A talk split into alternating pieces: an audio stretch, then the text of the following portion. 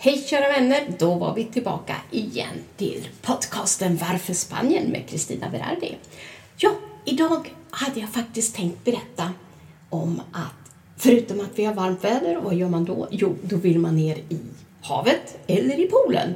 Och då kan man faktiskt ibland få öroninflammation eller öroninfektion, vilket min son fick. Då åker vi naturligtvis in till sjukhuset.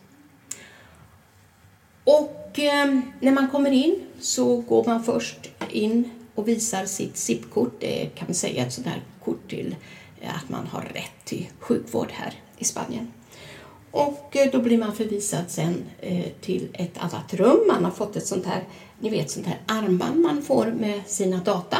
Och sen går man in i ett väntrum och sitter där och väntar tills de ropar upp ett nummer. Det, det, det, kan stå Dama 007 till exempel. Och när det står Dama 007 uppe på skärmen, då går man in i ett rum och eh, så berättar man vad det är för fel i mer detalj och där kan de också göra lite prover, kan ta lite temp, ta, kan ta puls och så vidare.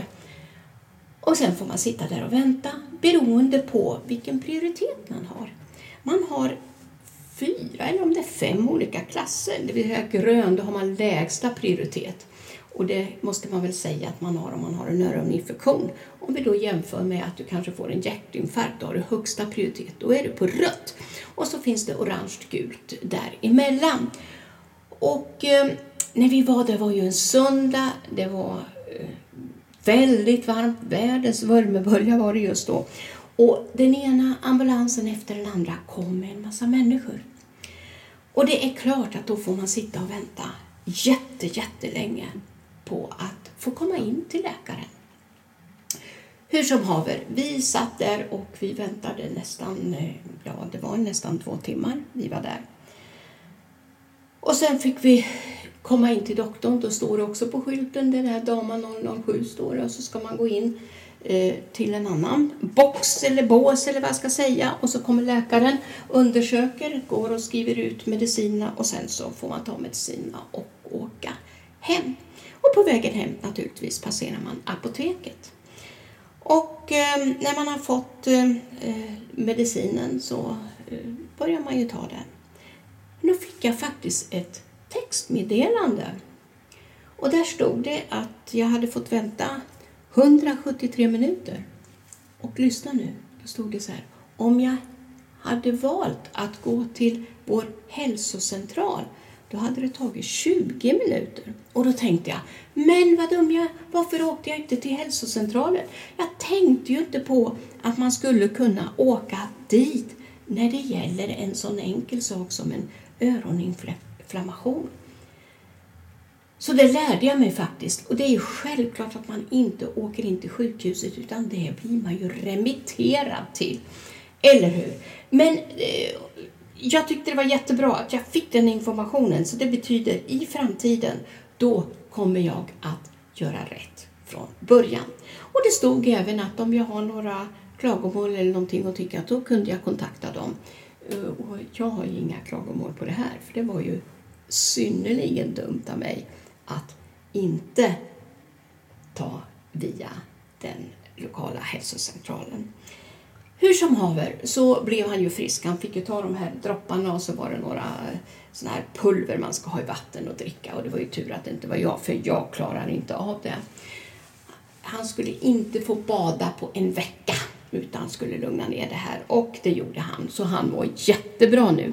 Men det var, det var en lärdom så att säga och det skulle vilja säga vanligtvis när man är sjuk och blir så här då får man komma in ganska så raskt måste jag säga. De är oerhört väl organiserade. De är snabba, de är effektiva, de har de här prioriteringarna och du vet vilken prioritering du har och du vet att du får träffa en läkare. Och de ger inte upp. Oavsett vad du har för någonting så kommer de att fixa dig. Ja, det var om läkarbesöket. Vi eh, hade en annan stor händelse här och det var bara för en vecka sedan. Då var det den här La Vuelta. Det är ju en cykeltävling. Eh, nu råder det delade meningar här. Jag har hört två uttryck att det är Europas tredje största cykelträning tävling och jag har också hört att det är världens tredje största cykeltävling. Den första är Tour, Tour de France, tror jag det heter. Och den andra är Giro d'Italia och den tredje är La Vuelta. Så den första är i Frankrike, den andra är Italien och den tredje är i Spanien. Och då har den gått förbi här i Oruela Costa. För två år sedan så hade de också eh, La Vuelta som gick förbi här och då startade den vid Saltsjön här i Torrevieja. Nu så startar de uppe i, jag tror det var i Santa Pola. Och sen cyklar de in i Torrevieja och sen cyklar de ner här på 332 och skulle söderut ner till La Manga skulle de cykla. Och jag vet nu inte hur många cyklister det var, men vi hade väl fått uppfattningen att de skulle nog passera här ungefär 12.40 så vi var ju ute vid 12-tiden naturligtvis för vi ville ju ha bra platser. Även om det är eh, vid 3.32 finns så mycket platser som helst så tänkte vi, man vet aldrig. Så vi står ju där på kö och väntar, eller kö, nu överdriver jag ju. Eh, vi ställde oss sen på en plats men då tyckte vi, ah, de kommer nog inte riktigt än. Så vi gick och fika och så kom vi tillbaka. Och då finns det en liten bro över Eh, 332an och där stod det massor med människor men vi valde att stå nere på gatan. Och då hamnade vi bredvid ett annat svenskt par som eh, han var eh, också cyklist, han gillade att cykla. Och då så visade det sig att de skulle nog inte börja förrän 13 och 15, 13 och 17 så att de beräknas nog inte komma hit i Orihuela Costa förrän 14 och 17. Okej, okay, sa vi. Vi stod och väntade. Men under den här tiden när vi väntar, vad händer då? Förutom att poliserna kommer i sina jeepar. Vi hade motorcykelpoliser, jättemånga. Och det kommer ju naturligtvis såna här, eh, vad heter det, såna här bilar som de har, ni vet med cyklar på på taket och andra som störtar dem och det var tv-bolag och jag gud vet inte allt vad det var som åkte förbi oss. Och när jag står där och filmar, förstår ni, så kändes det som att någon kastade något på mig och jag trodde någon stod och kastade glas på mig. Jag blev alldeles chockad och började skrika och tänkte vad är det här för någonting? Men då var det ju en av de här följebilarna då som kastade ut såna här resväsketaggar ni vet som man har adress eh, eh man skriver sitt namn och adress på som man hänger på resväskorna. Alla hamnade på mig och det var väl inte meningen att de skulle skrämma ihjäl mig men alla råkade hamna precis på mig. Och då började vi plocka upp dem där. Så vi fick ju varsin och eh, vi gav även till de som stod bredvid oss. Så det var en väldigt trevlig present då när man tänker efter. Och eh, när man står sen, då tänkte vi så här, i och med att det är en rondell ungefär 50 meter ifrån oss så tänkte vi, vi måste ju kunna se när bilarna stängs av som ska åka in i rondellen från vänster sida. Det, för att de kommer ju att åka förbi så att när de stänger av då måste ju cyklisterna komma. Och jag kan tala om för er, väntan var nästan olidlig. Det kom mer och mer polisbilar. Det var Policia Lokal, Policia Nacional, Pol Policia, eller rättare sagt Guarda Civil också. Och de hade olika bilar. Och motorcyklar. Jag vet inte hur många motorcyklar som åkte förbi. Och sådana här följebilar och reparationsbilar och gud vet vad det var för någonting. Ännu fler, ännu fler och det lät väldigt mycket. Och helt plötsligt så stoppar trafiken i norrgående läge för att cyklisterna skulle ju åka söderut. Och det är ju tvåfiligt här. Men när de stannade de två filerna på andra sidan och så såg man, nu tror jag de stannar eh, utkörningen i rondellen från vänster sida så nu är det väl på dags. Och så börjar de spärra av, ni vet, några kom väldigt snabbt och spärrade av så att cyklisterna skulle veta exakt var de skulle åka. Och vi såg också i den här rondellen så finns det en liten kulle och där stod det också massor med folk så när de började klappa händerna och så här, nu förstod man att nu går det fort och så skulle man ju filma med, med sin lilla mobil naturligtvis. Och jag det går ju rasande fort alltså. Det, från det man såg, nu händer det och man trycker på knappen och man ska stå och spela in. Så tjus, så var de ju förbi allihopa. Och de låg i en tät, tät klunga. Och då hade de ju cyklat ungefär en timme mer eller mindre. Och de skulle väl cykla ytterligare en två, tre timmar, om inte mer. ner till La Manga där de gjorde en extra sväng. Och alltså det gick ju inte ens att hinna se eh, någonting utan alla i den här klungan och alla låg väldigt nära högra sidan. Så de, de genar ju för att inte ta så stora sträckor som möjligt kan jag tänka mig då. då. Och innan dess, ni vet när folk står ute efter eh, gatan här och då står vi naturligtvis inte på gatan utan vi står ju där på trottoarkanterna. Och då kommer ju motorcykling, mo, eh, eh, polismotorcyklisterna och pekar in med fötterna, stå inte här ute, för det var ju några barn då vars föräldrar stod bakom dem. Barnen sitter ju på trottoarkanten med fötterna nere och det får man ju naturligtvis inte göra. Det kan ju faktiskt skapa lite elände, eh, eller hur, till de cyklister som råkar cykla på en sån här tå eller någonting och alla kan rasa. Hur som haver. Så trots att polisen åkte före och visade bort, bort, bort, ingenting. Det får inte finnas några hinder här för nu kommer de. Va? Så det var ju en speciell upplevelse. Det kändes jättehäftigt när vi stod där och ni ska veta att det var otroligt varmt. Och då vill man ju gärna stå i skuggan och eh, det gjorde vi. Men ändå, svetten bara lackade. Mitt batteri höll på att ta slut i mobilen så jag tänkte, måtte de komma nu? Måtte ingen ringa till mig för jag vill inte missa det här och, och spela in en liten filmsnutt. Och det klarar vi också. Och sen efteråt, då var väl klockan, vad kan det ha varit, halv tre sådär, när det var klart och folk började skingras igen, för de hade ju passerat redan. Så sa vi, nu går vi och äter.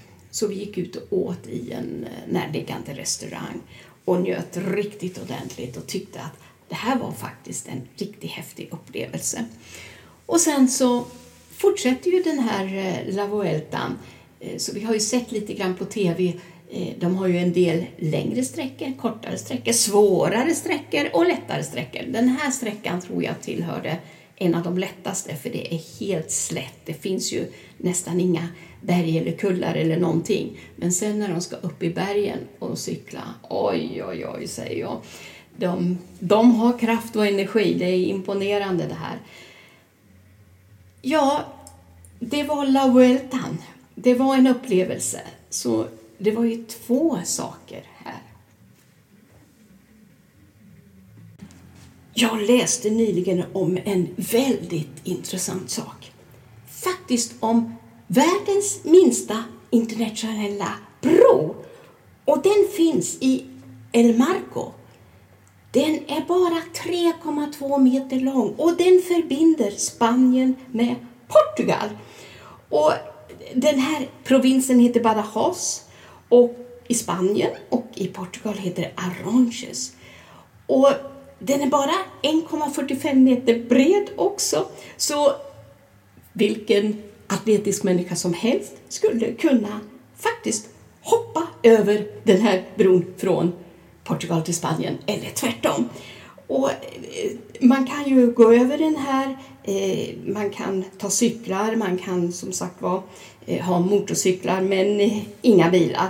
Eh, så det här tyckte jag lät så himla roligt. En sån liten fin bro emellan de här två länderna.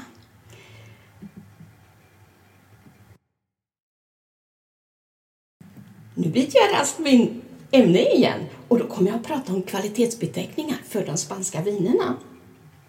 Det spanska systemet för kontroll av viners kvalitet det är bland de strängaste i hela världen. Och varje enskild spansk kvalitetsvin med namnet Denominación de Origen, det vill säga DO, de har sitt eget Consejo Regulador, det vill säga kontrollorgan.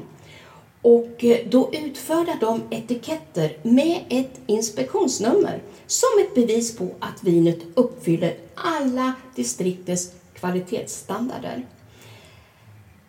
Utöver att man har de här lagstadgade ursprungsbeteckningarna som då anges på vinflaskan så har man även ett klassificeringssystem för vinkvaliteten.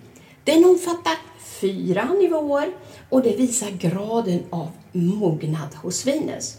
Och eftersom det lönar sig att lagra de allra bästa vinerna under en längre tid så är tiden ett mått på vinets kvalitet. Till exempel Grand Reserva, det är den högsta nivå med längsta lagringstiden. Och viner med den beteckningen de framställs endast av noggrant utvalda druvor från särskilt eh, för förstklassiga årgångar. Och då har man till exempel eh, Hoven, då är det unga friska viner. De lagras högst sex månader.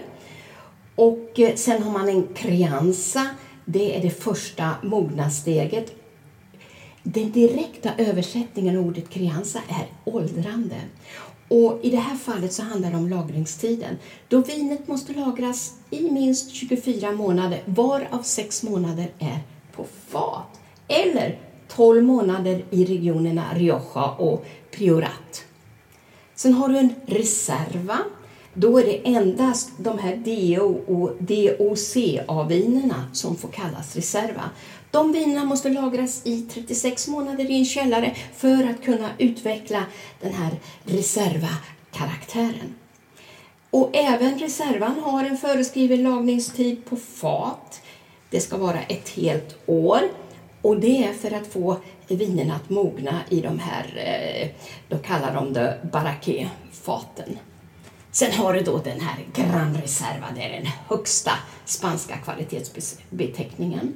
Och för att ett vin ska få kallas det, då ska den ha lagrats minst 60 månader och kan i praktiken inte komma ut i handeln förrän fem år efter skörden. Och den här långa lagringen den inkluderade minst 24 månader på ett ekfat och Grand Reserva-viner har därför en typisk mjuk vaniljton från faten. Så det är endast de bästa vindruvorna som tas fram från den skörden och sen startar man den här processen. Jag tycker det här är himla intressant. Tänk vad man får lära sig om de här vinerna. Vi har ju tagit upp eh, eh, lite andra eh, saker om de här namnen om ni kommer ihåg. Och gör ni inte det så får ni gå bakåt och lyssna lite mer på min podd. Men hörni, jag tackar dig för att du lyssnar på mig, Stina Bergvik, med podden Varför Spanien? Tack och hej och ha en härlig!